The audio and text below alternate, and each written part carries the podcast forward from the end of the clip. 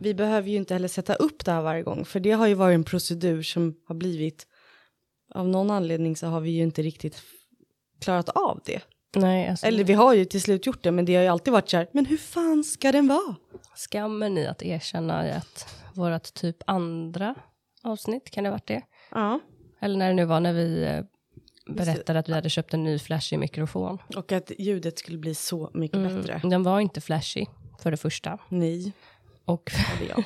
för det andra så var det, kändes det så komplicerat att sätta upp den varje gång. Eh, men Alltså det nu, kändes inte, det var. Det var det, men eh, Men jag förstår. det var också bara ett extra moment som kändes Ja. jättejobbigt. Ja. Nu sitter vi i våran nya riktiga studio som vi har fått låna.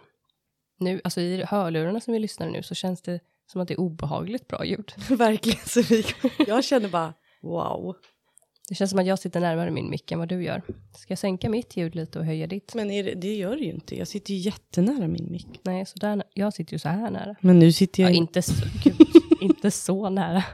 Okej, så. Nu.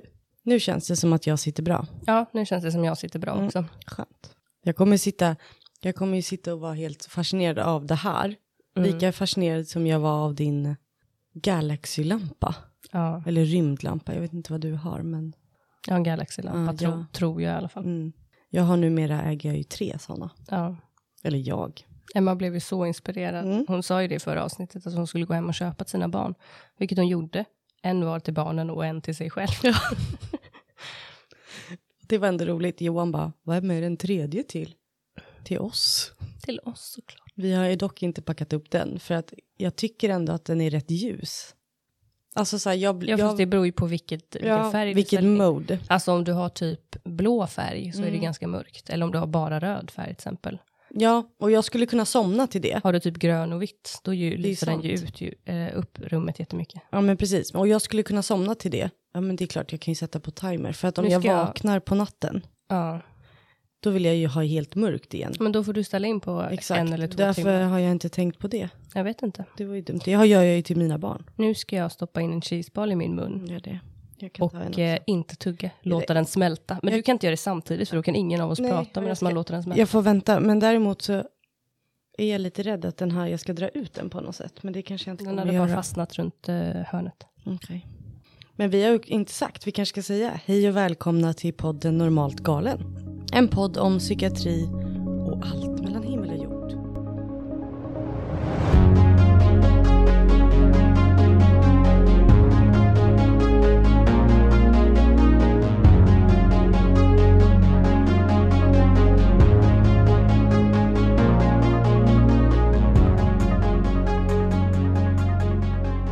Jag heter Emma och bredvid mig, eller mitt emot mig, har vi Rebecka. Just det, för Rebecka har precis tagit en cheeseball så hon kan inte prata. Så, nu har den smält klart i min mun. Och vi är då två sjuksköterskor som jobbar inom specialistpsykiatrin. Ja. Eh, I slutenvården jobbar vi. jag blir också lite så här, man, jag blir mer medveten om vad jag säger när jag har hörlurar på mig för att det hörs himla bra. Ja, verkligen. Alltså för när vi har spelat in innan då har vi ju inte haft hörlurar vilket innebär att man hör inte sig själv på samma sätt Nej, som man, man, hör gör ju nu. sig själv som man gör när man pratar. Men Exakt. nu hör man ju sig själv precis som det kommer låta i eh, ja, den faktiska ljudfilen. Så jag tänker att det kommer vara en, ett sånt där observandum för mig att jag måste sluta tänka på det. Mm. Nej men, ehm, jag tänker ändå att vi ska ta och prata ett, ska vi prata lite Vadå? Jag vet, ibland tänker jag, du vet när man lyssnar på något och så, och så är det så här, de får till det så bra att så här, ja men det låter liksom så naturligt. Du vet, för jag kan ibland bara, men vad ska vi prata om idag? Alltså, Jag tycker typ vi ska börja om allt det här. Ja, för ja, jag, ja, jag vet inte vad vi håller på med. nej men jag fattar först inte att du hade tryckt på räck. Det gjorde för jättelänge Ja. sedan. Jag sa ju, ska jag trycka på räck? Eller jättelänge sedan, det har gått sex minuter. okej. Mm. Och då ska vi göra om allt prat? Nej, det behöver vi inte göra. Nej, du får klippa. Mm. Lätt för dig att säga, bara för det är jag som slipper. Mm, Jag kan inte. Kommer aldrig lära mig det. Nej. Det kan ju vara skönt för dig att veta. Jag kommer aldrig lära mig den här mixerbordet. Jag kommer aldrig lära mig att klippa podden. Så jag kan aldrig byta ut Rebecka. Det känns ändå tryggt. Fast det är ju i så fall att du byter ut mig mot en starkare konkurrent. Mm. Nej, kan inte komma på någon just nu. Du kommer dock inte kunna liksom bara, nu ska jag köra solo. Nej, För alla de tekniska bitarna står ju jag för. Exakt, jag menar det. Det hade ju bara fallerat direkt. Mm. Jag undrar vad jag hade gjort då. Lagt ner. Antagligen. Så att nej, ni behöver inte vara rädda. Vi kommer inte lägga ner vår podd. Nej. Vi kan ju faktiskt börja eh, säga att vi pratade ju i förra avsnittet om att vi eh, tänkte att vi efter sommaren ska komma igång med gäster. Och vi fick ju ganska många förslag efter vårt, eh, Ja. eh, efter att vi bad er komma med tips och så på eh, olika gäster. Och har nu insett att vi kanske inte behöver prokrastinera det här till efter sommaren utan vi kommer nog komma igång med åtminstone någon gäst innan sommaren. Absolut. En eller två planen. är vår förhoppning. Så det känns ändå kul. Det låter kanske inte som att jag tycker att det här är kul, för nu lät jag ju alldeles eh, död känns det som. Men det är kul. Det är superkul. Och det känns ändå som en, ett steg i rätt riktning. Mm. Och anledningen till att jag kanske låter lite död är för att jag har precis börjat återhämta mig efter att vi båda jobbade i natt igen förra veckan. Just det. Idag är det eh, måndag och du jobbade ju natt förra veckan Ja. eh, mellan onsdag och torsdag och jag mellan torsdag och fredag. Och för mig, eh, jag har ju, eh, tycker ju att det är skitjobbigt. Jag hade ju aldrig kunnat jobba på typ en mottagning eller något, för jag tycker ju det är skitjobbigt att gå upp tidigt varje morgon Mm. och ha liksom en normal eh, dygnsrytmsrutin. Eh, vilket gör att jag blir väldigt trött när jag har jobbat dagpass några dagar i rad för att jag sover för lite. Och sen den dagen jag skulle jobba natt, då hade jag handledningsseminarium eh, om mitt examensarbete, så då gick jag också upp tidigt, för vi skulle vara på Zoom. Och jag hade planerat så himla bra och ställt min klocka och allt vad det var och sen kände jag, "Åh, jag orkar inte gå upp och typ äta frukost innan det här seminariet. Så jag kände jag ligger kvar en stund till och vaknade sex minuter innan Nej. Zoom-mötet skulle börja. Nej usch. Ja. Ja. det var inte så trevligt. Men då undrar jag, sov, men du måste ju ha typ sovit innan nattpasset då? I alla fall.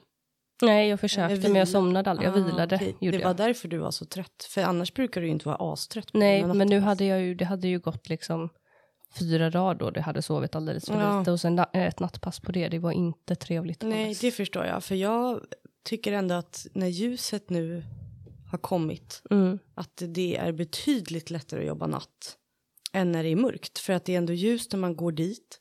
Det är ljust när man går hem. Ja, alltså de sista timmarna av passet är det ju till och med ljust. Ja. Vi jobbar ju fram till sju på morgonen och Exakt. typ, Halv fem blev, började det bli ljust. nej det började bli ännu tidigare, men vid Ja. den tiden då var det ju nästan helt ljust redan. Det är sant. Men ja, i alla fall, det har tagit några dagar Mm. nu att liksom återställa mig efter den här äh, extrema sömnbristen. Så att jag kom ju hem då efter nattpasset, sov mycket mer än vad jag brukar göra när jag jobbat natt. Jaha, ja, okej. Och sen då är det svårt att ställa om också sen. Men det var ju det jag. det inte var, för jag var Nej, så trött var att så jag, trött. visst jag vaknade några gånger men somnade ändå om. Ja. Så jag sov ändå till och från fram till typ fem på eftermiddagen. Oj, Och det gör jag verkligen aldrig. men gud. Sen var jag uppe i några timmar och bara, gud, måste städa och fixa. Så då gick jag upp och typ städade hela min lägenhet och eh, lagade mat, åt. Och sen var jag skittrött så vid tolv gick jag och la mig igen och eh, sov hela natten. Men gud, Så jag var liksom oj, uppe i sju timmar. sju timmar. Ja, Jag måste bara säga att jag var snabb där. ja verkligen. Ja. Du, du hann före. jag tänkte säga fem timmar, men sen så tvekade jag. Sju timmar Men- var jag vaken. Sen somnade jag om och då hade jag liksom ställt tillbaka dygnet, men däremot så blir man ju liksom, får man en eftersläpande trötthet Ja. ändå, när man har ställt om fram och tillbaka sådär. För det är ju det jag kan tycka är, jag har liksom hittat balansen eftersom att vi går in och jobbar natt bara ibland. Det är ju inte så att vi har så planerade pass en gång i månaden. Mm. Nej, det men- var extra när det saknas. Exakt. Ehm, och då har jag ändå liksom fått till det där rätt bra nu tycker jag också att jag har lärt mig hur mycket jag måste vila innan. Jag brukar inte alltid somna.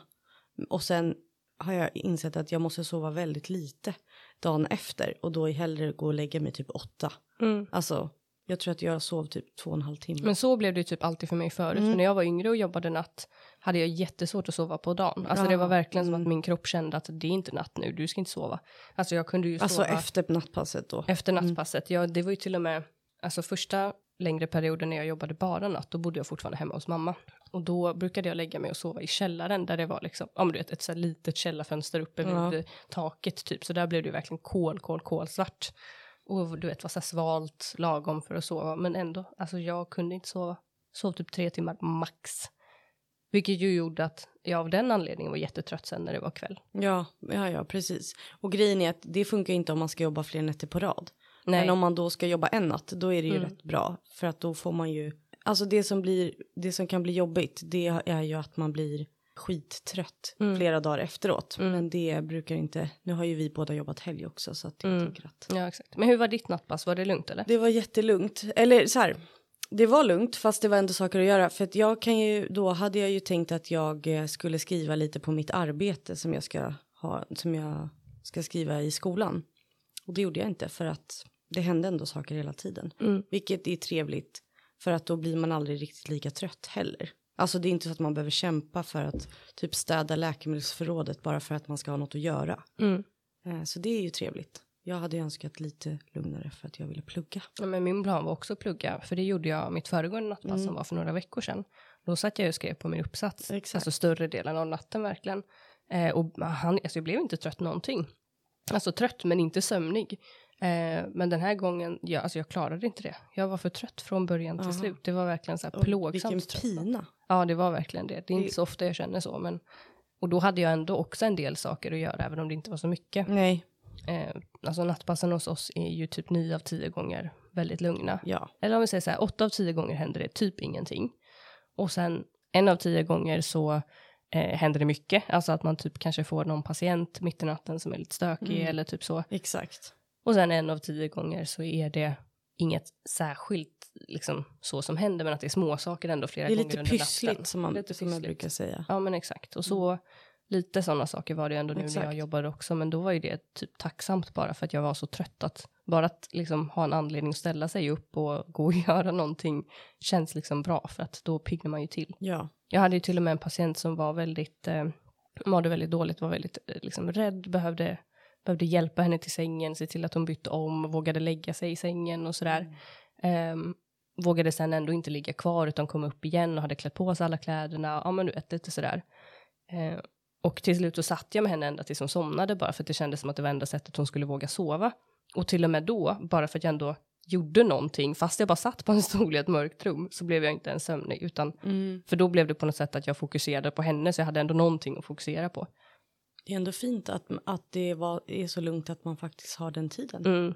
Det är inte alltid. Nej, verkligen. Nu satt jag ju kanske inte där en timme på den stolen, då hade jag nog somnat. Ja, men jag tänker Men, eh, att man ändå men, hade eh, den... Alltså som sjuksköterska är man ju ensam. Så Mm. det, det är inte alltid vi har tid att göra sånt. Nej. Utan då får man delegera bort det. Mm. Ja, så det är trevligt. Men du, vad ska vi prata om idag? Nu pratade du inte i micken. Nej, men jag, nu, vad ska vi prata om idag har vi tänkt. Men vi ska prata om något som vi nämnde i vårt förra avsnitt. Eh, till er som har lyssnat på det så nämnde vi att vi har haft, vi nämnde lite kort att vi har haft ett tidigare avsnitt som vi skrotade för att vi inte tyckte det blev så bra. Eh, men vi tyckte att själva det det handlade om var bra så vi tänkte att vi gör om det avsnittet nu ett halvår senare istället och ger det en ny chans. Och det är att vi tänker att vi ska prata om, ja, som avsnittet kommer heta, saker man hör på stan. Mm. Det vill säga olika ord kopplade till psykiatri eller psykisk ohälsa, psykisk sjukdom och liknande. Mental hälsa helt enkelt. Olika begrepp och ord som man använder i vardagligt tal på olika sätt.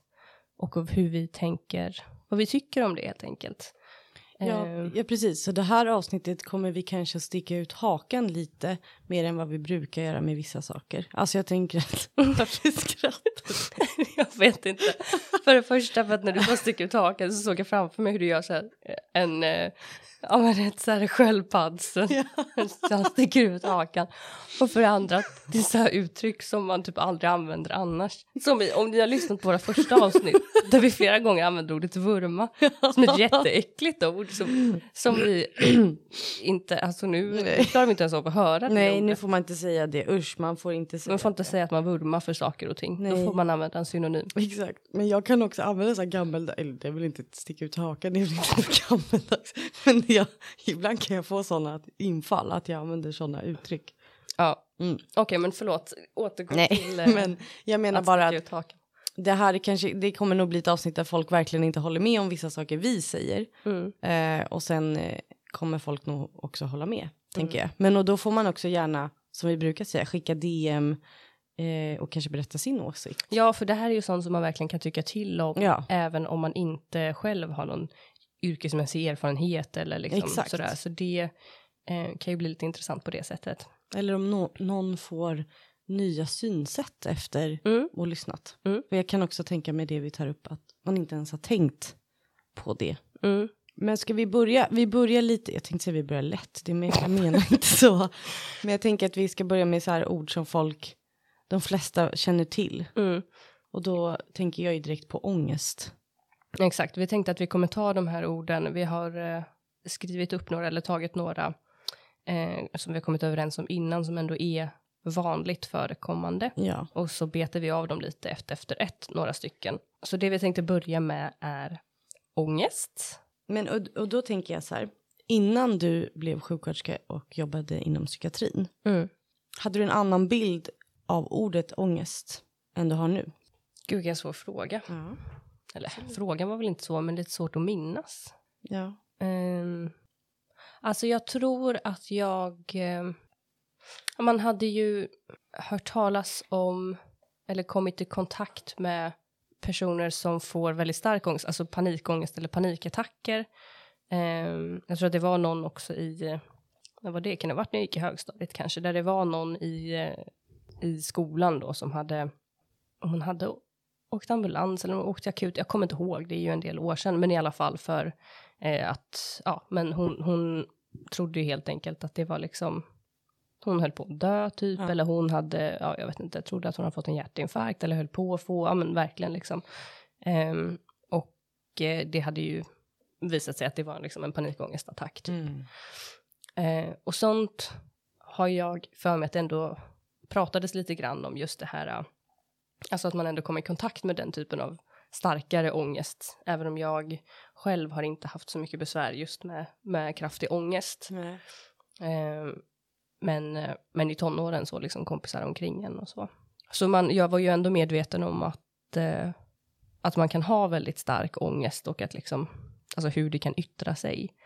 Eh, men jag vet inte om jag, ja, nej jag vet inte, jag vet inte vad jag försöker komma fram till Nej, riktigt. men det, det finns inget egentligen kanske att komma fram till mer. Ja. Jag bara tänker att, eller det jag tänkte på när jag ställde frågan var ju att absolut att, alltså min syn på ångest har ju förändrats sen jag jobbat inom psykiatrin sen innan, Mm. alltså så. Men jag hade, och jag hade nog också förknippat det mer med typ sådana episoder som du beskriver, alltså Mm. personer som man har hört om som trodde att de skulle dö och sen var Mm. det liksom panikångest. Mm.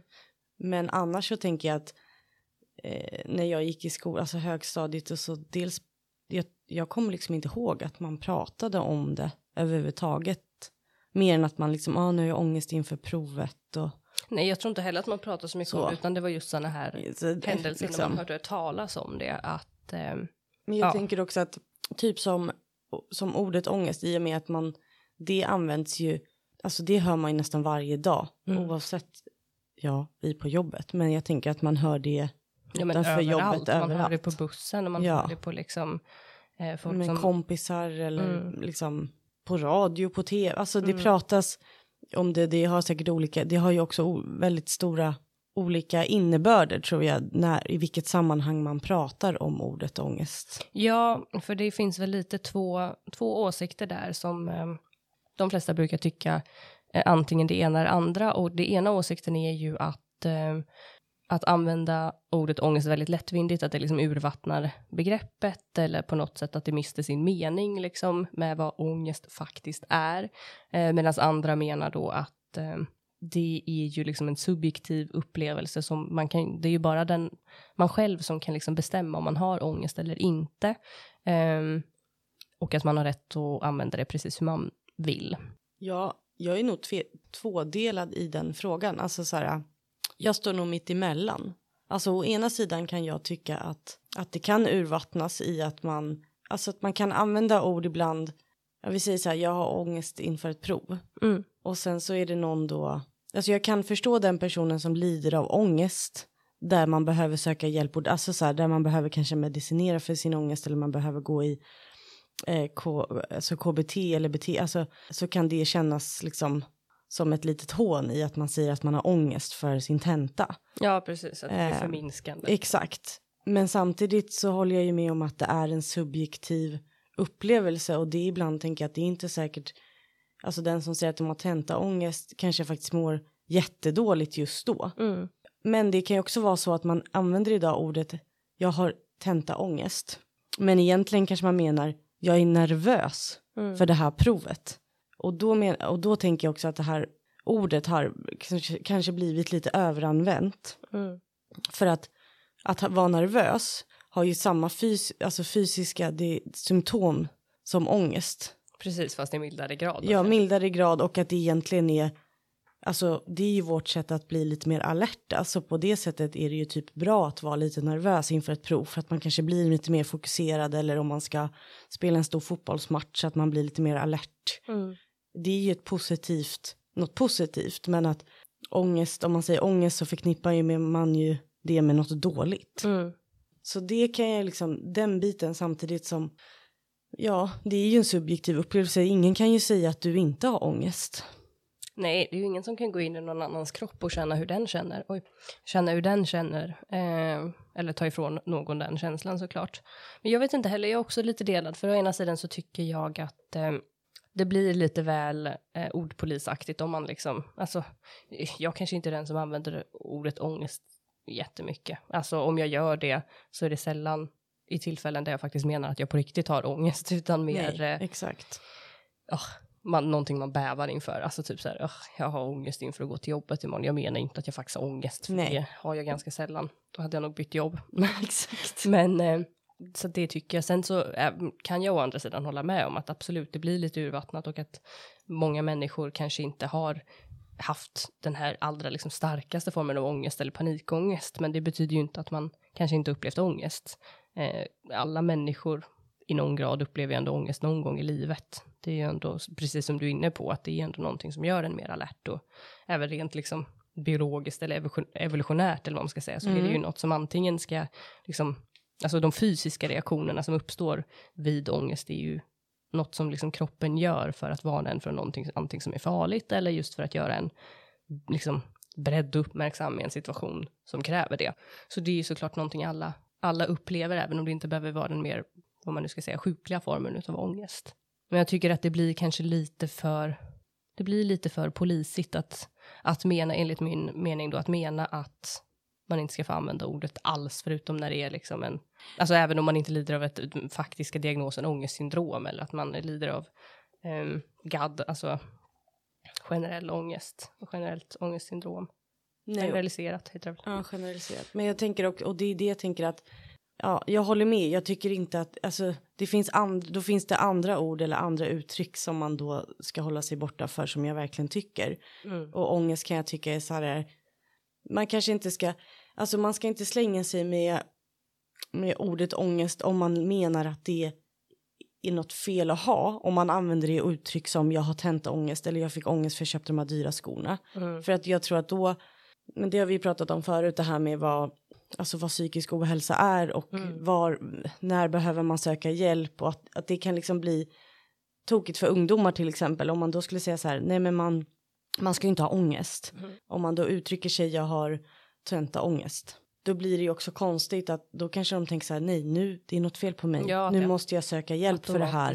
Förknippas med något Ja, sjukligt så liksom- så. Det är väl en, det, det beror lite på hur man pratar om det generellt, Mm. tycker jag. Just med ordet ångest. Ja, jag håller med. Ja, alltså det är ju klart att det är, är väl aldrig helt svartvitt, men Nej. överlag så tycker jag Ja. att eh, Det- att använda ångest i vardagligt tal lite slarvigt, jag tycker att det är okej. Det, jag får, det Ja. får min approved-stämpel. Absolut, jag tycker verkligen också att det, det är okej. Det är ju samma sak med typ deppighet. Mm, För det är ju också, det, det, precis, det, är ju vårt ord nummer två på listan. Ja, och det, Deprimerad slash deppig. och det hänger ju lite ihop med, Exakt.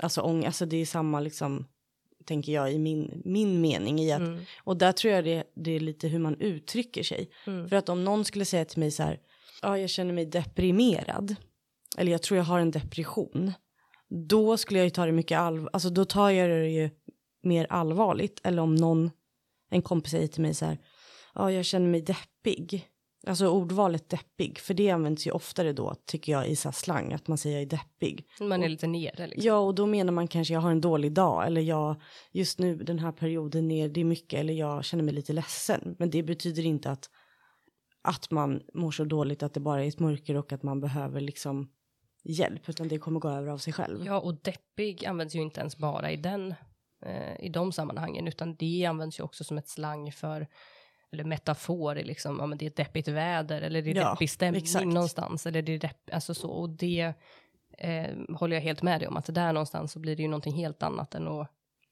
och det, jag vet inte om det är en yrkesskada, att man skulle dra mer öronen åt sig av att någon uttrycker att den är deprimerad. Jag tror att det delvis är en yrkesskada, men sen tror jag samtidigt också det är, eller jag är ganska säker på att människor är mindre benägna att gå runt och säga att de är deprimerade än att de är deppiga.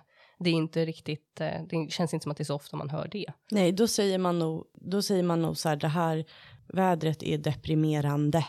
Ja, exakt. Alltså det är nog ett vanligt Mm. uttryck tycker jag idag om man nu tänker I så fall. liksom, men inte själva deprimerad, alltså ja. Mm, personifierat deprimerad, utan Mm. då är det ju ofta händelser som är deprimerande. mm, exakt. Eller väder. Mm. Ofta väder i Sverige. Ja, för väldigt ofta väder i Sverige. Men eh, så att kan, det kan jag också tycka att man kanske ska få, ska få använda. Precis, att det också får approved-stämpel då, att det är okej att använda. Deprimerande. Inte att man är deprimerad kanske. Ah, Nej, alltså jag är deprimerad. På något sätt så tänker jag att ett, det är inte riktigt ett problem, som sagt, för att jag inte upplever att folk Nej. uttrycker sig på det sättet. Ehm, och om någon person där ute gör det så är det fortfarande kanske inget som upprör mig.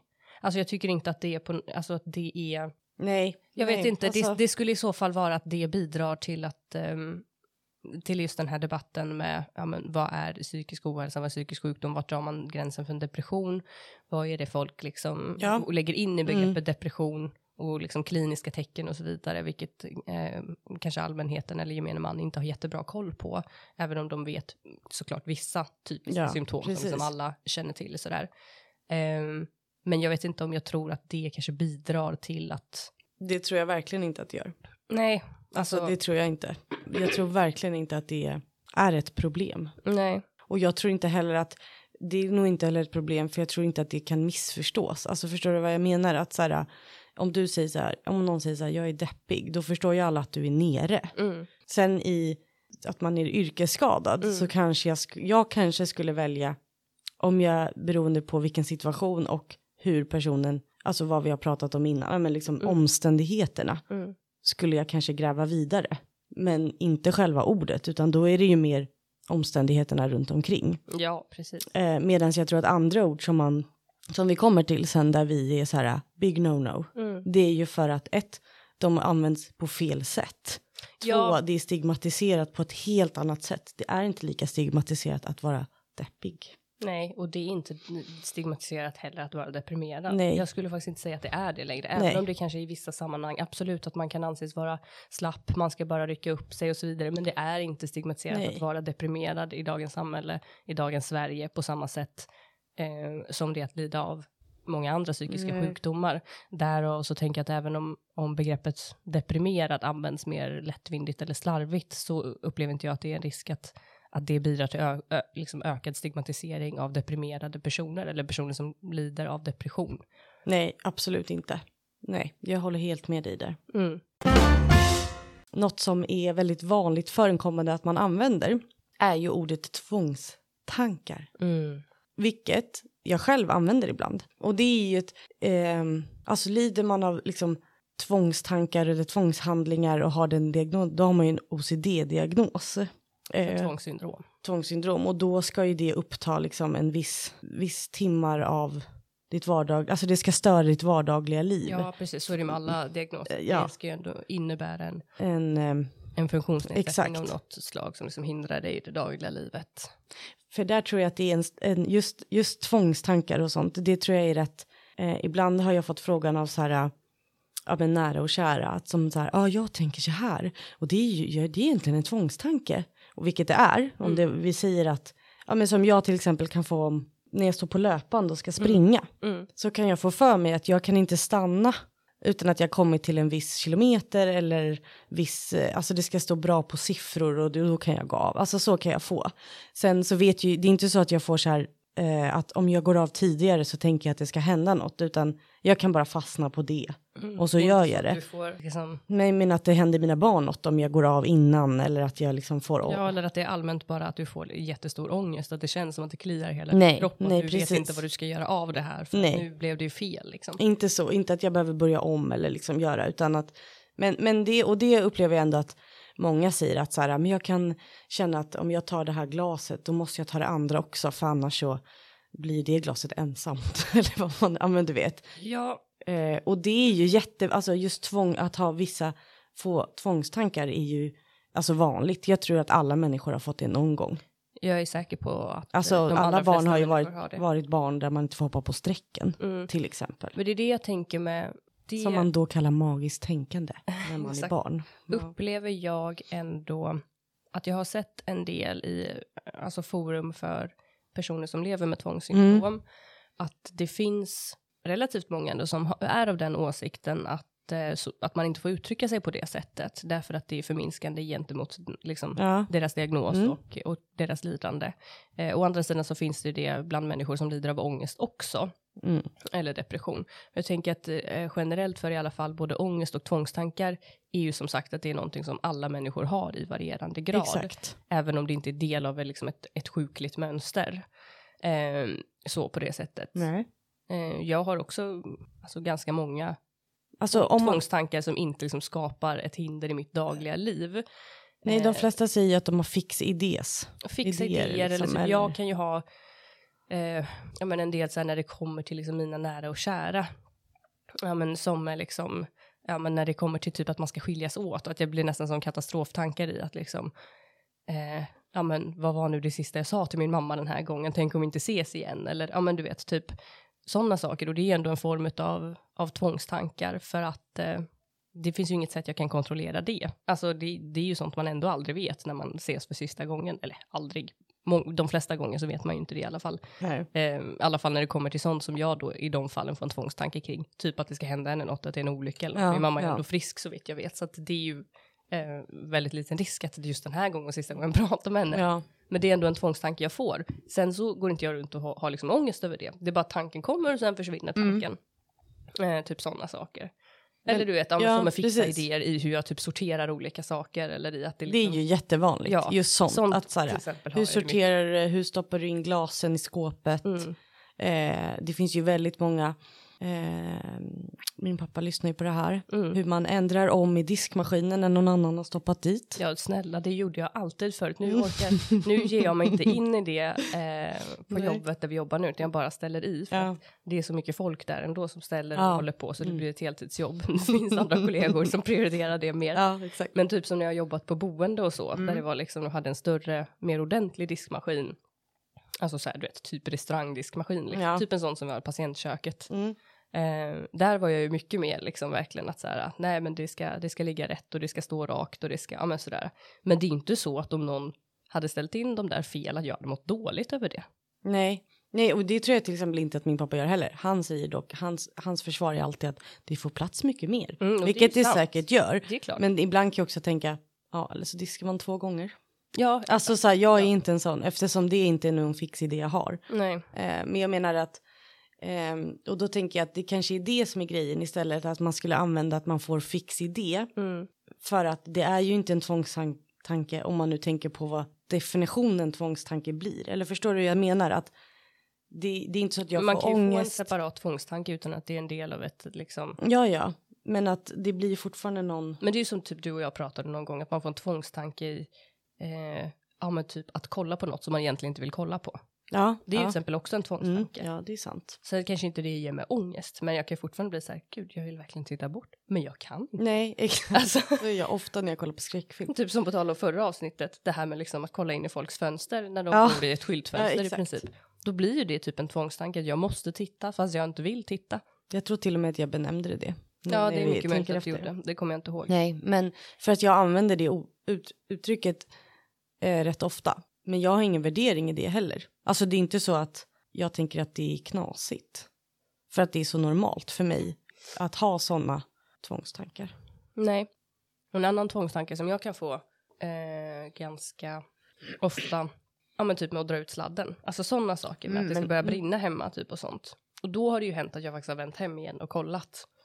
Eh, Ja, men men det- mm. skillnaden är ju då att där finns det ju ett, ett reellt hot. det är ju inte så här, Nej, ja, exakt. men det är inte som, ja men typ du sa liksom med, något annat ex- exempel det här med löpandet typ att så här, det kommer hända mina barn någonting. Eh, Nej, för det är ju exakt. helt eh, bara liksom, ja det, det finns liksom inget Nej. samband. Nej. Men att glömma att dra ut plattången, ja det kan faktiskt börja brinna hemma. Så Exakt. där är det ju ändå adekvat att vara rädd för det. Men däremot så för mig är det liksom om jag bara, min lösning blev att varje gång jag drog ut sladden så var det verkligen okej Rebecka, nu drar du ut sladden och så gör jag det.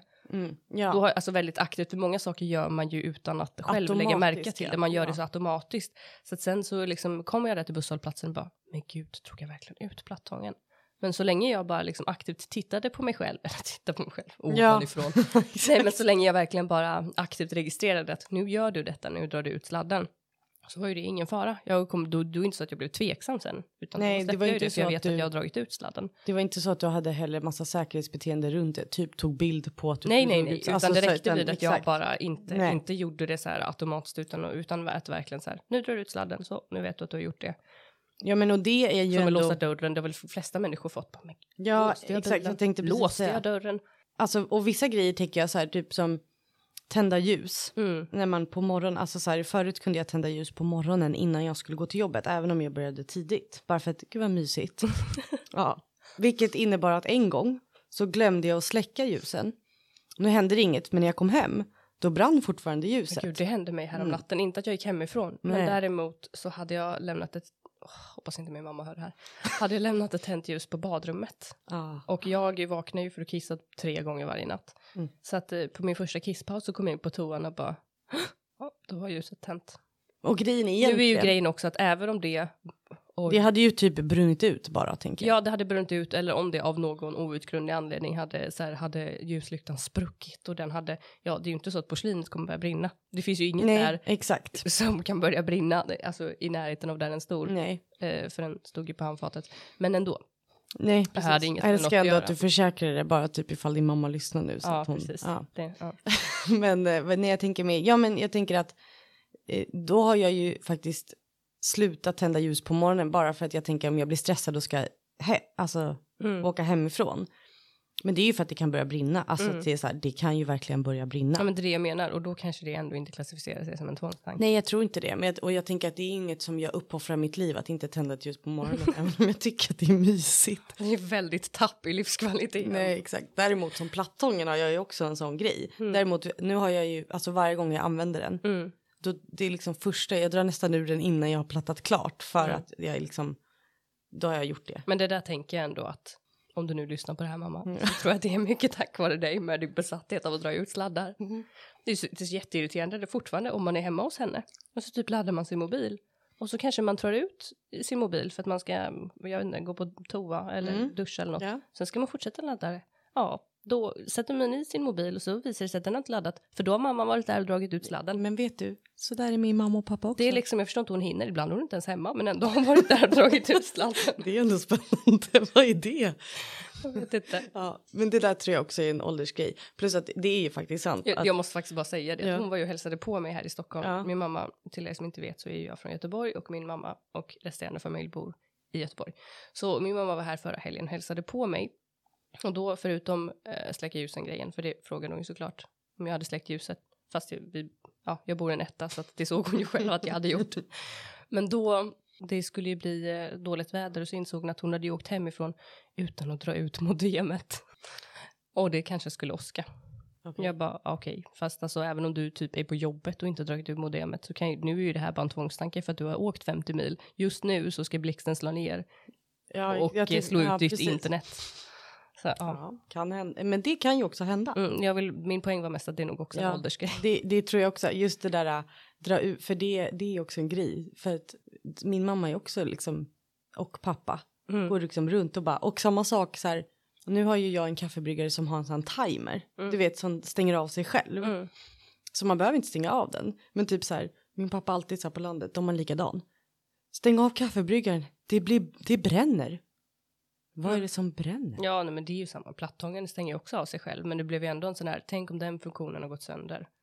Jo men Jag ja. vill ju ändå inte lämna Nej, den i men jag tror fortfarande att vissa saker, dra ut sladdar och sånt, det är en åldersgrej. Men jag tror också att de kommer aldrig vara med om att en laddare bara fattar eld, för det händer ju också. Alltså man hör ju att det händer. Ja. Mm, ja, jag vet, och då Så är de att, eh, väldigt noga med att påpeka att det faktiskt händer. Det var... Och det är ju såklart sant, även platthänger tar ju eld ibland. Så att, eh, som sagt, nu känner jag att du har glidit från ämnet lite. men, Men poängen är i alla fall att eh, alltså jag tänker ändå att jag approved att man säger jag approve också det.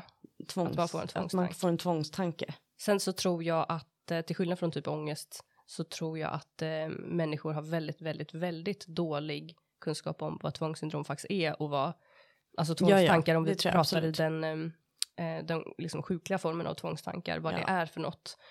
Eh, tvångstankar, tvångshandlingar, det är ju, det är ju en diagnos som faktiskt inte är, ja men det man vet är ju just de här typiska liksom att så här, jag måste släcka lampan si och så många gånger eller jag eh, kan inte gå på just de här stenarna eller jag kan inte, ja men sådana saker, annars kommer min familj dö och sånt.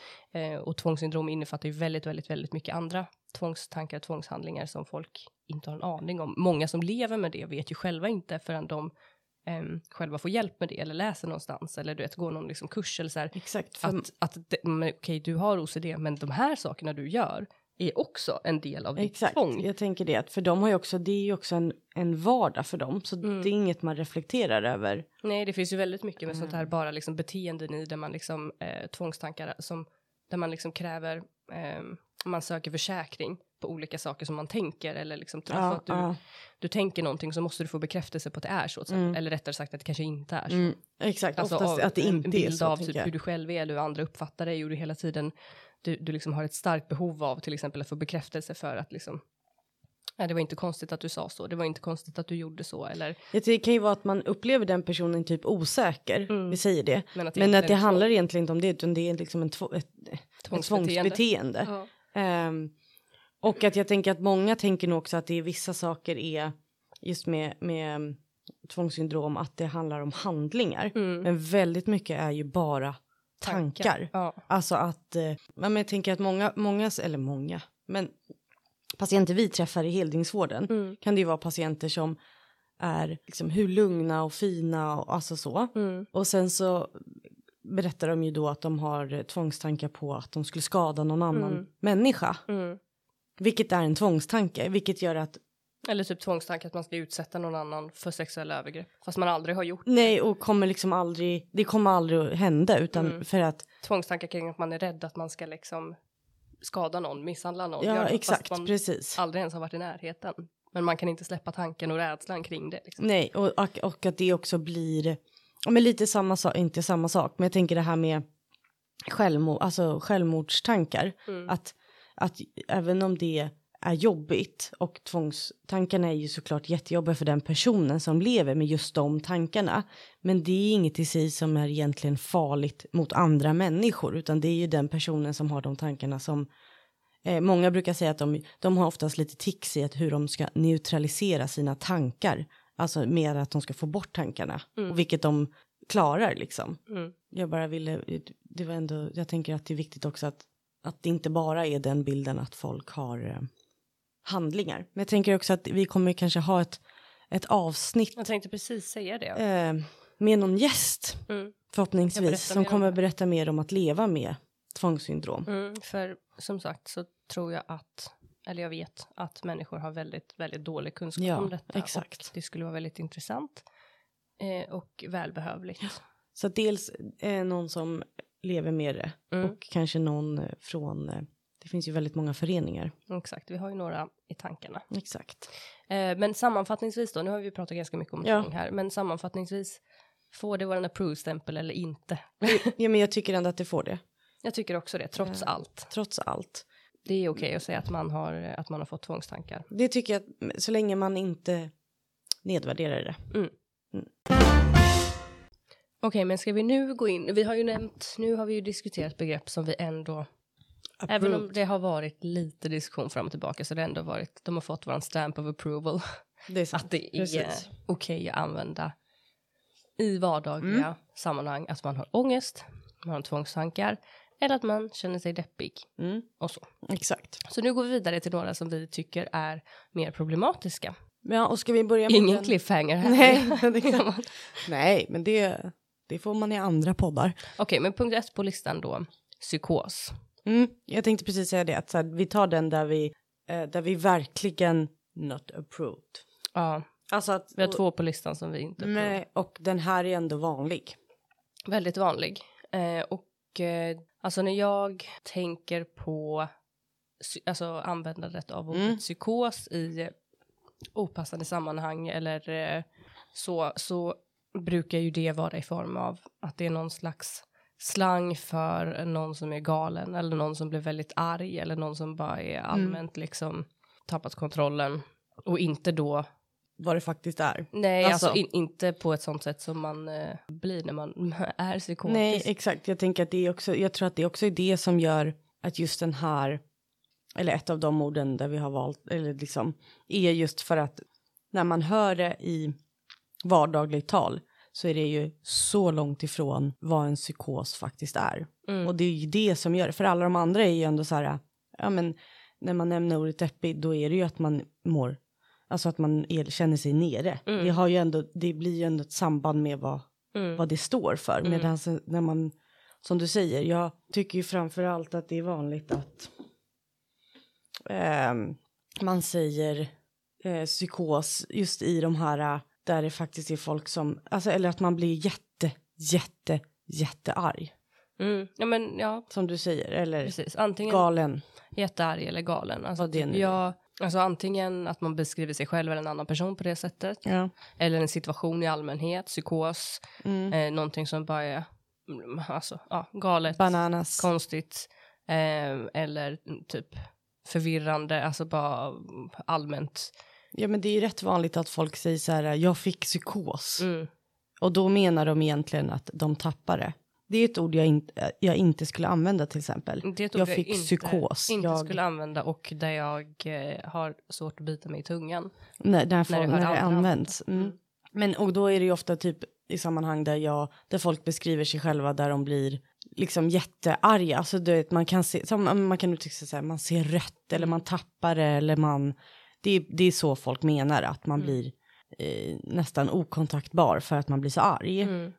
Ehm, och det, det blir ju väldigt tokigt för att då associerar man ju, när man sen då hör ordet psykos, då tror jag ändå att, det, att man associerar snabbt till sånt. Alltså om man nu också tänker hur det speglas i media, Mm. alltså våldsbrott och där man inte ens vet, men vi har tagit upp det förut nu, att eh, våldsbrott, att det blir någon så här äh, grej att så här, ah, han kanske har en psykos, Mm. där man inte ens vet att Ja, eller så var personen typ drogpåverkad, för det är ganska mycket vanligare att man Mm. gör våldsbrott, eller det är ju det. Ehm, men att man då, i och med att man använder psykos på ett lättvindigt sätt när man beskriver våldsutbrott eller våldshandlingar Mm. i vardagligt liksom, så blir det nog lättare att man förknippar just sånt till en psykos, vilket också blir att det blir mer stigmatiserande och läskigt för människor Mm. om det nu är en person som kanske skulle berätta att de har lidit, alltså att de har haft psykos, då Mm. tror jag att folk backar några steg för att de blir rädda för att det de associerar med är våld. Ja, precis. Så någonstans så är ju ändå eh, sammanfattningen av varför det här inte är ett ord som vi då kanske känner är okej att använda eh, slentrianmässigt är ju just det att det faktiskt bidrar till stigmatisering Ja. av personer som Ja, ja. liksom lever med 100%. psykossjukdomar eller som har drabbats av en psykos någon gång. Och att det, till skillnad från till exempel då eh, ja, med tvångstankar eller ångest som är sånt som alla människor någon gång i någon grad eller någon Ja. form liksom er, Mm. alltså har erfarenhet av under livet så blir de flesta inte psykotiska. Ehm, Nej, ganska få av procenten i Sverige. exakt. Bara det. Och där har vi ju dessutom då som vi också har, nu hänger ju de ihop eftersom att schizofreni är en, oj, Oj, förlåt, det var jag som råkade pilla på micken. eh, Ja. ja, nu hänger ju de eh, Ihop. ihop. Vi har ju Ja, också exakt. på vår lista schizofreni Mm, eh, och de hör ihop eftersom att schizofreni är en psykossjukdom. ja. Eh, och där är det ju liksom samma sak att alltså folk i allmänhet, precis som när det kommer till typ tvångssyndrom, vet de vet inte vad schizofreni är för någonting. De vet Nej, inte alltså de har ingen innebär. aning. De har verkligen ingen aning. Jag blir ofta chockad, precis som jag sa i förra avsnittet när vi snackade om typ, eh, alltså om personlighetssyndrom och Ja. sånt där. Mm. När jag pratar med, med vänner eller bekanta eller andra liksom, eh, som, som inte delar samma yrke som jag eller inte har den kunskapen eller erfarenheten, eh, så blir jag ofta lite så här, eh, jag blir liksom påmind om, men gud vad, vad, alltså, vad, vad lite folk vet. Mm. Eh, när det kommer till många sådana här sjukdomar, alltså psykiska sjukdomar eh, och psykiatriska tillstånd. Och schizo- schizofreni är verkligen ett sånt och där har ju populärkulturen och media en väldigt stor del som de spelar Ja. i det och än idag så är det ju verkligen Alltså Eh, jätte. jätte, tror att jätte, det är liksom jättevanligt att, att schizofreni, eller schizofren rättare sagt, används som ett begrepp eh, så för bes, liksom beskriva någonting som är väldigt ambivalent eller snabbt ombytligt eller liksom opålitligt. Eh, och det, det ser man ju faktiskt ganska ofta, det var inte länge sedan, jag kommer inte ihåg vad det var i för program, men om det var i någon debatt eller det var i någon, alltså det var verkligen så här, inte ens en, en film, utan det var om det var nyhetsinslag, jag kommer inte ihåg, där den liksom använder eh, ja, för att beskriva en situation att så här, ja, det här är ju, i det här läget så blir det ju lite schizofrent, minns inte vad de pratade om, men Ja. eh, bara att jag reagerade på det, det är fortfarande används liksom mycket eh, utan att folk alls verkar reflektera över på vilket sätt det bidrar till stigmatisering Mm. eh, för precis. människorna som faktiskt lever med eh, psykossjukdom eller specifikt schizofreni. Eh, och också att, ja, men just i filmer eller så, när det är en person som beskrivs lida av schizofreni så är det ju den här vanliga missuppfattningen då som man spelar på att det är någon form av personlighetsklyvning, att schizofrena personer har två eller multipla personligheter, vilket ju inte alls överensstämmer med verkligheten. Nej, och jag, det, precis, det var det, det är ju exakt det eh, som jag satt och tänkte på. Att så här, jag trodde också det, alltså jätte, ganska Mm. länge innan jag liksom pluggade eller så. För att det är det som målas upp. Mm. Alltså vad du än tittar på för film ofta, det, ja men nu kommer jag inte på något bra exempel på någon film, men vi pratade lite om det innan bara, att så här, Mm. vi, hade, vi kunde ändå rada upp så här, tre, fyra filmer som är ganska nya Mm. där man fortfarande använder att patienten eh, har en schizofreni Mm. för att de har flera, alltså personlighetsklyvning som man säger, eller nu, det är väl det omdebatterat om det heter det eller om det är något annat, men Ja, det anses ju idag vara en del av någonting som kallas för, kallas för dissociativt ja, eh, syndrom. Oavsett vad det Ja. tillhör så har det absolut ingenting med Nej, schizofreni det, alltså att det göra. är inte ens, det finns ju inte ens, det är ju inte ens ett symptom. Nej, det, är- Alltså, det förstår du? förekommer liksom Nej inte. men hade någon, hade det ändå varit så här, ja men ehm, ett symptom på schizofreni är att man är ombytlig i sitt humör eller Mm. så. Det är ju inte ens sant. Nej, nej precis. Eller och är, är liksom- det något enstaka fall där det existerar Jo, så är det ju för men- att man har en samsjuklighet av Eh, något slag. ja, exakt. Att det är en symptom på själva schizofrenin. Nej, alltså de flesta, eller men jag tänker just här om man har schizofreni, de blir oftast väldigt, de är oftast väldigt lugna. Mm. Även om de har liksom frånvänd verklighetsuppfattning när de väl går in i sina psykoser. Mm. Och bara för att man har schizofreni så betyder inte det att man alltid är i en psykos heller. Nej, sen så det som är ju liksom någonstans kärnan i allt detta är att både när det kommer till psykos eller när det kommer till att någonting är schizofren så är det ju just det att det används som ett skällsord. Ja, ja, eh, vilket det, ju exakt. det inte gör. Att det är inte så att man säger till någon bara, gud det där har så mycket ångest. Nej, exakt. O- Okej, ja möjligtvis då att det tolkas som att det är en person som är väldigt stresskänslig typ, men det är ju knappast så att det är kränkande. Nej, Ehm, nej, det här är ju verkligen ett beskrivande för att dels du är väldigt konstig. Ehm, och att det då bidrar ju extremt mycket till, till den här stigmatiseringen. För det vet man ju, alltså det vet man ju forskningsbevisat att typ en av de sjukdomarna psykiatriska som är mest stigmatiserad, det är ju schizofreni. Mm, Eh, och därför är det ju så viktigt, tänker jag, att vi inte använder de orden överhuvudtaget. Utan de, typ som psykos och schizofreni, de ska användas när det gäller psykos och schizofreni. Det finns andra ord man kan använda i så fall, men att liksom för att komma bort också ett från att det blir något bagatelliserande och att det blir missuppfattningar, men också att så här, det ska bara användas när det väl gäller, för att Mm. det är så pass folk som lever med den här sjukdomen har ju extremt svårt i, i livet som det är med samhällets liksom syn på dem.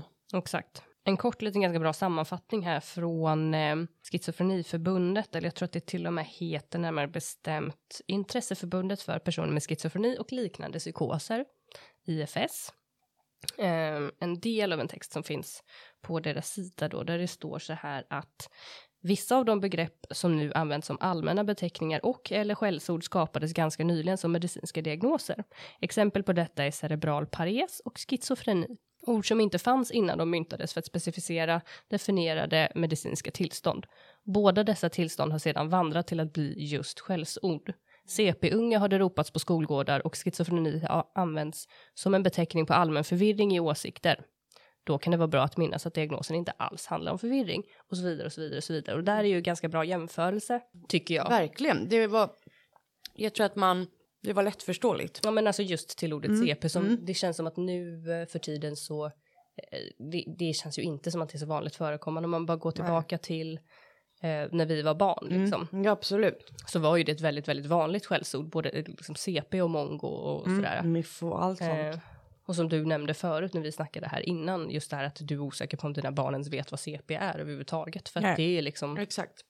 det har liksom arbetats bort till den grad. Medan schizofreni fortfarande, det halkar liksom fortfarande efter. Det är fortfarande eh, ett ord som faktiskt används ofta och är socialt accepterat. Alltså även i mer kultiverade sammanhang så är det socialt accepterat att beskriva någonting som schizofrent. Ja, det Eh, anses ju inte... Alltså, det är att, fortfarande PK liksom att göra exakt, det. jag tänker skulle någon i idag säga CP, Mm. alltså om jag var någonstans, eller du vet så här, dels så tror alltså ett, ingen skulle vara tyst. Nej. Och man skulle liksom, jag tror att varenda en ändå skulle liksom höja på ögonbrynen. Medan jag tror absolut inte att man är schizofren eller schizofren, alltså det tror jag, som du säger, det är, det är fortfarande typ PK att säga. Ja, men det, är, Eller det är inte PK att säga, men jag tror att folk inte förstår. nej, men det uppfattas PK, det är ingenting som... Alltså det blir inte alls någon reprimand på att man använder det. nej. Och folk typ så här skrattar med och förstår exakt vad du menar. Mm. Ja, ja, det har ju blivit en liksom Det allmänt typ- vedertagen eh, metafor för just Jag har ju varit med i diskussioner där det blir ob- obekvämt. Där jag bara, fast vad menar ni med det? Mm. Alltså det är ändå frågasatt varför man använder det och var, Mm. frågat så här, vet ni vad det betyder? Mm. Eller liksom, vet ni vad det Vilket innebär? Nej.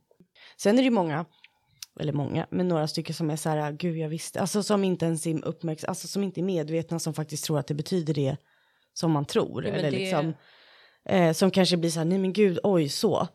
Och det är ju bra, men det är därför jag tänker att det är så bra också och viktigt att faktiskt påpeka det, vi som då ändå vet vad, Mm. vad det betyder. Det är ju jätteviktigt att man vågar säga så här, Mm. men varför säger du så? Ja, men som sagt, om det är men typ som CP då, det är liksom inte någonting som används längre Nej. direkt.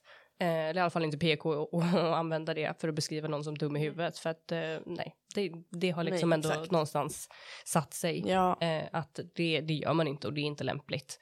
Eh, men att schizofrent fortfarande används på ett sätt som då liksom det, det blir som ett skällsord, vilket är otroligt kränkande för människor som lever med den här diagnosen, för anhöriga till människor som lever med den här diagnosen. Ehm, och så. Så det får inte vara en stämpel på förproven. Nej, alltså verkligen inte. Jag tänker att jag hoppas att om nu, nu folk lyssnar och jag tänker så här, inte kanske om, även om du inte använder det själv, men om du hör det, att man ska ändå så här, fast vet ni, visste ni? För jag menar, det är ju bara en googling bort också. Alltså om man är lite osäker på så här, vad betyder egentligen schizofrent eller schizofreni? Mm, Idag är det en googling bort. Alltså det tar tre sekunder att se. mm. Aha, nej, det betyder inte det du menar nu. Eller, Men jag blir ändå Liksom lite så. förvånad över det just för att man hör det så pass, eh, alltså ändå relativt ofta. ja, absolut. Eh, att, och då, då pratar jag om välbildade människor, alltså inte bara liksom någonting som man hör randomly på bussen eller på, utan som sagt, i, nej, alltså det som här jag sa innan, i mer kultiverade Ja, sammanhang. absolut. Ehm, Det är inte bara ungdomar på bussen. Nej, precis. Eh, och där är det ju säkert så att, att det är inte så att de menar att det har någonting med sjukdomen schizofreni att göra. Sen kan det väl säkert vara olika Nej. i vilken nivå man känner till vad sjukdomen schizofreni innebär. Däremot så verkar det vara en otroligt brist på analys eh, till att kunna dra liksom en slutsats i att eh, okej, även om det här inte har någonting med sjukdomen schizofreni att göra så är det fortfarande så att det är de människorna det påverkar. Och, alltså genom att använda det här den här, vad man nu tror, alltså metaforen eller vad man nu ska säga, som är helt felaktig, att den sprider ändå en bild av de här personerna som, som drabbar dem på ett negativt sätt. Ja, då tänker jag också så här, även om man då som du säger, även om man inte vet vad det betyder eller att man tror att man vet vad det betyder men att det betyder inte det. Mm. Då tänker jag också så här, men det är väl fortfarande inte okej. Alltså Nej. så här, det är ju det som är poängen här, att så här, det är, det är stigmatiserande så in i Norden. Mm, ja, men det är ju det jag Eller- menar. Ja, ja, men jag att oavsett det. om de vet vad det är eller inte så har de uppenbarligen inte eh, en tillräcklig liksom, analys av vad det bidrar till att använda det på det sättet. Det är ju som att säga så här, om, om man nu tänker köra, eh, ja men vi som ordet CP, Mm. men det är ju som eh, n-ordet. Mm. Det, alltså det, det förekommer inte idag att man säger det. Nej, om man gör Eller, det ja, så men gör man det så man väljer vet- man sina sammanhang. Jag menar så det, att så här, det är ju också så att folk verkligen vet att det är inte okej. Eller så Mm. säger man det bland folk där man vet att de har samma åsikter. Ja, alltså så.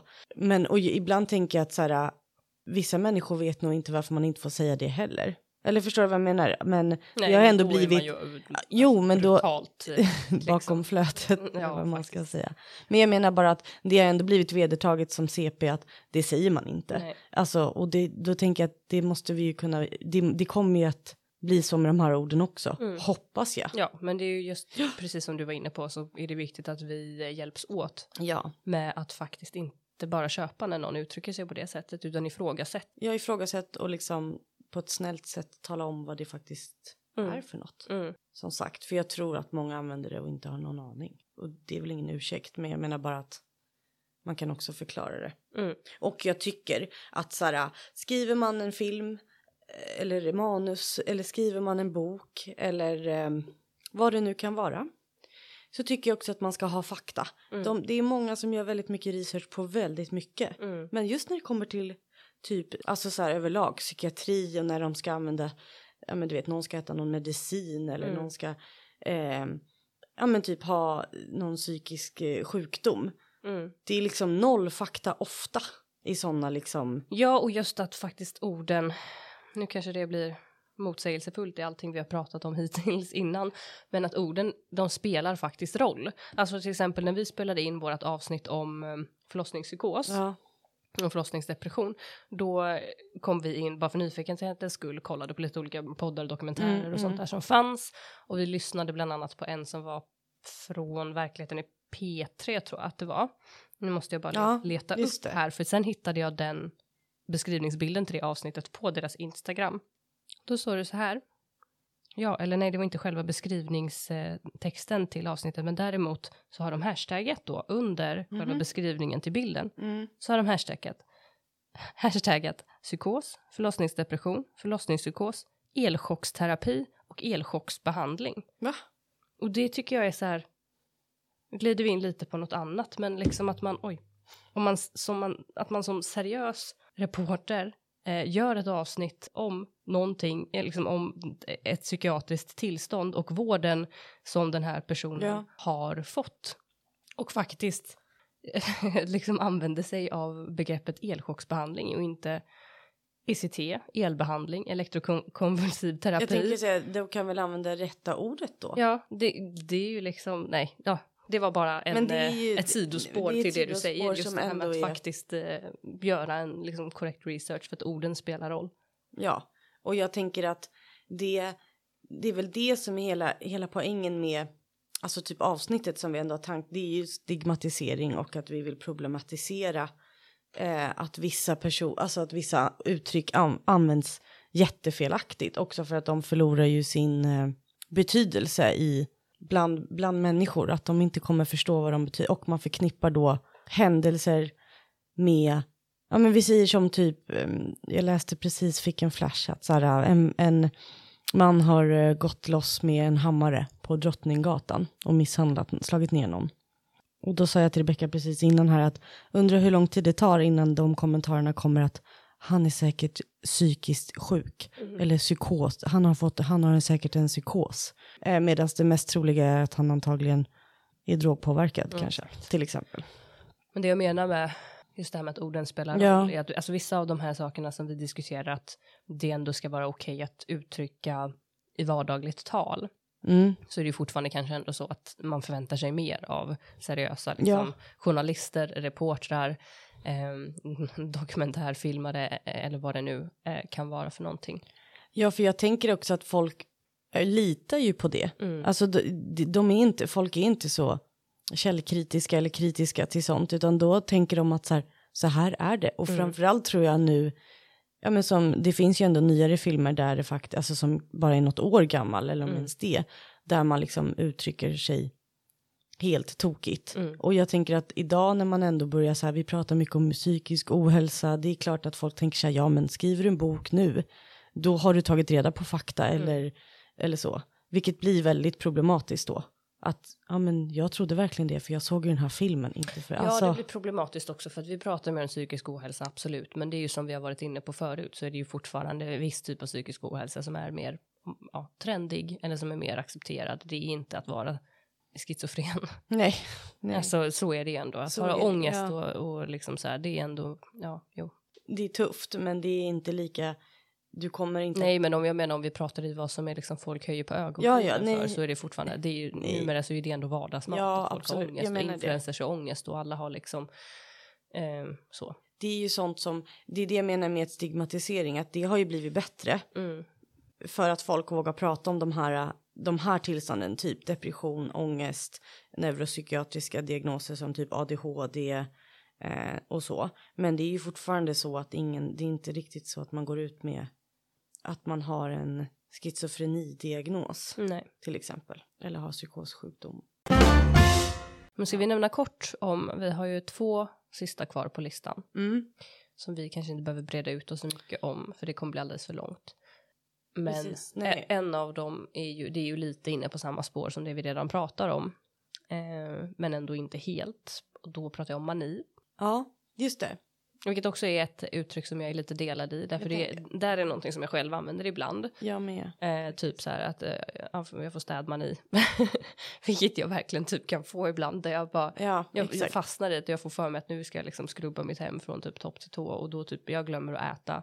Jag kommer på liksom efter, ja men du vet för att jag fastnade i att sortera någon låda och liksom så här oj där var det liksom de här behövde skrubbas och det här. Ja, liksom. Men, och att man städar på fler ställen samtidigt. Ja, typ. verkligen. Alltså så. Bara springer fram och tillbaka och Exakt. inser sen när halva dagen har gått att bara gud, jag har, har inte ätit och jag har liksom inte, ja, eh, typ så. så och liksom det är, är ett sätt som jag kan uttrycka mig Mm. ibland. Kanske inte skulle göra det i jobbet liksom, men, men eh, till en vän eller en familjemedlem så. Ehm, Ja, eller att folk ofta uttrycker, det gör jag i alla fall, att man så här, ja men eh, man ska äta rätt, eller så här, man går, man, man, man ska äta rätt och träna. mm, Och då kan man bli lite manisk i det, eller Mm. liksom så. Jag uttrycker mig ju ofta så, vilket egentligen, alltså nu, när man liksom reflekterar över det, mm, då kan jag ju känna att så här, men kanske jag ska säga att man fastnar i det eller att man Mm. liksom går e- all in för det, för det är ju det jag menar. För att, ja men som jag då, jag har aldrig varit manisk så jag Nej. vet inte ens hur det känns. Jag kan liksom inte föreställa mig det, Mm. även om jag har sett det. Alltså så. mm. Men det är svårt att föreställa sig det. Ja, jag håller med om att det, jag, jag har ju egentligen inga logiska belägg för att jag Nej, men jag eh, menar tycker exakt att det här är liksom att det liknar, eller vad man nu säger. Jag håller med men, dig om att när man reflekterar mer ja. kring det så eh, sen är det väl kanske situationsbundet också i vissa sammanhang kanske jag inte skulle uttrycka mig så alltså Nej, även utanför nej. jobbet liksom Ehm, men men på något sätt så jag, jag kan inte helt logiskt förklara varför jag för det är ju klart att det är precis samma sak som med liksom eh, med psykos exempelvis att, så här, att leva med bipolär sjukdom och drabbas Ja, av ja. manier där du eh, kanske liksom du säljer allt du har eller du liksom får för dig att du ska eh, lämna din partner och nu så ska du liksom träffa din livskärlek i Argentina och, eller du säljer ert hem eller du alltså du Ja. vet, gör liksom saker som du springer naken på stan och du saker som du liksom verkligen eh, skapar enorma konsekvenser för dig Ja, och lidande exakt. Jag Precis. förstår ju Ja, eller det, det är klart att det är egentligen samma sak. Så Ja. någonstans så är det väl, och det är ju också någonting som folk inte vet riktigt vad, Nej, vad man det är det. innebär kanske. Jag- jag Till och med ännu mindre än psykos någonstans. Så att egentligen är väl det kanske, kanske också någonting jag ska jobba på och sluta använda det. Ja, men jag tänker just när vi sitter och pratar om det att jag, ehm, i och med att det också är ett ord jag också använder, att så här, nej men det tror jag inte är det ska jag nog verkligen försöka undvika just för det. Att, Mm. såhär, just för stigmatiseringens skull. Att, Mm. såhär, ja, det blir lite det blir lite lättvindigt då tror jag. Att såhär, Mm. det är inte sant. Det är inte en mani att jag börjar träna. För att det är så, jag, kan, jag slutar ju också. Ja, Alltså, så här, det är inte så att jag går i 24 timmar och inte behöver sova. Det är Nej. inte så jag menar när jag säger det. Ehm, men samtidigt... Ja, Men det är med att jag inte har några logiska belägg Nej, för. men exakt. Min känsla är att att använda mani slentrianmässigt inte bidrar lika mycket till stigmatisering som till exempel psykos eller att någonting är eh, schizofrent bara för att jag tror att folk i ännu mindre grad vet vad mani ens är och ens kopplar ihop det nödvändigtvis med bipolär sjukdom. Alltså möjligtvis då för att det förut hette manodepressiv manodepressivitet, alltså Ja, man var ja, manisk och sen var man deprimerad. Exakt. Ehm, Men tror du också att det har men jag tror att folk med... ännu mindre vet vad, vad är en, hur är en person som är manisk typ. Alltså Ja, att nej, att det tror jag. Nej, nej, det tror jag ihop jättesvårt. med att, någonting jättenegativt. Det- det är att just det jag menar. Folk vet typ inte, det kopplas ju inte upp till något negativt det heller. blir typ inte ens ett, alltså, eller jag uppfattar det inte som ett skällsord. Att någon är Nej. manisk, alltså då är det ju mer typ, någon är väldigt effektiv. Ja, typ. Men och det är det, men, det är det jag tänkte precis säga. Att det handlar väl om att just att det inte är. Det blir inte en negativ klang i vad du gör. Alltså att Mm. städa är ju inte negativt. Vilket innebär att om du säger att du får städmani. Mm. Det är ingen som tänker shit, she's crazy. Nej. Alltså då tänker man bara ja, då blev det rent. Good for you. Eller liksom, det borde jag också. Eller liksom, det, det är ju inget som förknippas med något dåligt Nej. Om man inte då eh, eh, typ vet vad man i är eller själv har lider av det. Nej. Nej, så jag. jag är lite delad på den ändå. Mm. Jag har inte riktigt, riktigt bestämt mig 100% för vad jag tycker där. Men och där kan det också vara intressant just eh, tänker jag just folk som har bipolär sjukdom och som har varit maniska. Det skulle vara intressant att tycka just vad de tycker. För jag menar det vet man ju med schizofreni och psykossjukdom. Där vet man ju att de säger att så här, vi vill inte att det används fel. Eller Framförallt från anhöriga. Jag. och anhöriga, precis. Ja, men att så här, det, det är verkligen något, ett problem. Mm. Men då undrar jag, eh, vad tycker, det kan ju ni som lyssnar. Mm. Om ni har antingen är anhöriga eller om ni själva har erfarenhet av att vara maniska. Vad Mm. är det, känns det, känns det okej att man, att folk använder jag blev manisk för att jag tränar, eller jag tränar maniskt, eller jag fick städmani. Mm. Uppfattar ni det som något negativt? Exakt. Det tänker jag skulle vara intressant att veta faktiskt. Mm. Får ni gärna DMa oss och berätta. Ja. Och sen andra sista vi hade på vår lista, det är ju någonting som vi inte heller behöver gå in så djupt på för att vi nämnde ju det i vårt Ja, föregående avsnitt när vi pratade om personlighetssyndrom. Och det är ju just det här med att vara psykopat eller vara narcissist. Mm. Att någon i ens närhet, eh, eller som tidigare var i ens närhet, till exempel en tidigare partner, är narcissist. Och vill ni höra mer om vad vi tycker om det så tycker jag att ni ska lyssna på vårt förra avsnitt om ni inte har hört det. Absolut, Vi för där kan- går vi in rätt eh, Exakt. mycket på det. Vi kan egentligen bara sammanfatta här till att Not approved. not approved. Nej. No stamp. Nej, verkligen. Jag tänker det, vi behöver nog inte säga mer om det. Nej, jag tänker också det. Att det då, gå in och Det får lyssna. bli en clickbait. Exakt. Nej, men då tänker jag att vi, då känns det ju ändå som att vi har fått sagt det vi ville om de här orden. Mm. Och att slutklämmen ändå är att motverka stigmatisering. Mm. Slutklämmen är vissa ord är okej, vissa är inte okej. Delvis så har det väl att göra med vad man subjektivt kan uppleva och vad man subjektivt, subjektivt faktiskt inte kan uppleva. Ja, Du kan inte uppleva dig psykotisk och bara inte vara det. nej, Men du kan själv bestämma om du upplever att något ger dig ångest eller inte. exakt, precis. Etc, etc, etc. Ja, men och då tänker jag att vi, vi lämnar dagens ämne och går in på Dagens spaningar. exakt avsnittets spaning. Mellan himmel och jord. Okej, och avsnittets första spaning det är ju eh, från SPES riksförbund som vi har hittat den. Och Vad är spes? SPES är... Du har ju det framför dig. Ja, men jag vet. Alltså, jag, Emmas min. nej, eh. men, ja, men jag blev så här, du vet, ibland tappar jag, vad fan, ja, nu tappade jag också bort. Riksförbundet för suicidprevention och efterlevnadsstöd. Mm. Jag är inte van med den här nya micken. så Nej, att alltså vi kommer eh, vänja oss bättre. Försvinner från den lite så är det för att jag inte Ja, Du ska alltid ursäktas, men det kommer bli bättre. Stanna Ja, men kvar. nu känner jag ändå själv att eftersom man hör sig, man hör sig själv så bra i hörlurarna. Då märker man ju Då man märker bort. man ju verkligen när, när ljudet blir lite dåligt. Mm. Så här. Mm. Så att jag ska öva på det, jag lovar. Men i alla fall, de har då skrivit att Myndigheten för samhällsskydd och beredskap, MSB, vill ändra räddningstjänstens uppdrag och utesluta uppgiften att förebygga självmord och självmordsförsök. Det ska också nämnas snabbt att det är ungefär 1600 personer per år som tar livet av sig. Mm, I Sverige. I Sverige, precis. Eh, och eh, de har då tagit fram en handbok till kommunernas olycksförebyggande arbete och i den nämns inte självmord eller självmordsförsök. Trots att det bör ses som psykologiska olycksfall. På många orter har räddningstjänsten redan en självklar roll i suicidpreventiva arbetet. Exemp- exempelvis när larm inkommer som om en person befinner sig på fel sida av ett broräcke. Men det bör inte vara upp till varje kommun att avgöra om dessa larm ska ingå i räddningstjänstens uppdrag. Det måste vara klart uttalat i MSBs instruktioner. Ingen annan olyckstyp tar lika många liv varje år. En stor del andel av alla suicid eller impulshandlingar är impulshandlingar, förlåt. Det kan handla om minuter mellan den första tanken och genomfört försök. Den som får hjälp och överleva sin impuls är i regel tacksam och att vara vid liv. Då läste jag på deras hemsida då att, jag måste bara nämna det, att jag tror att mellan januari och november 2020 så gjorde de över 2200 utryckningar på just suicidlarm. Mm. Och då har de också skrivit att eh, ja, men just det här att det är ju de flesta människorna som räddas är ändå tacksamma för det. Mm. Och då har de också skrivit, den här, det här är också en debattartikel som SPES har skrivit tillsammans med eh, Suicide Zero Mind och NASP.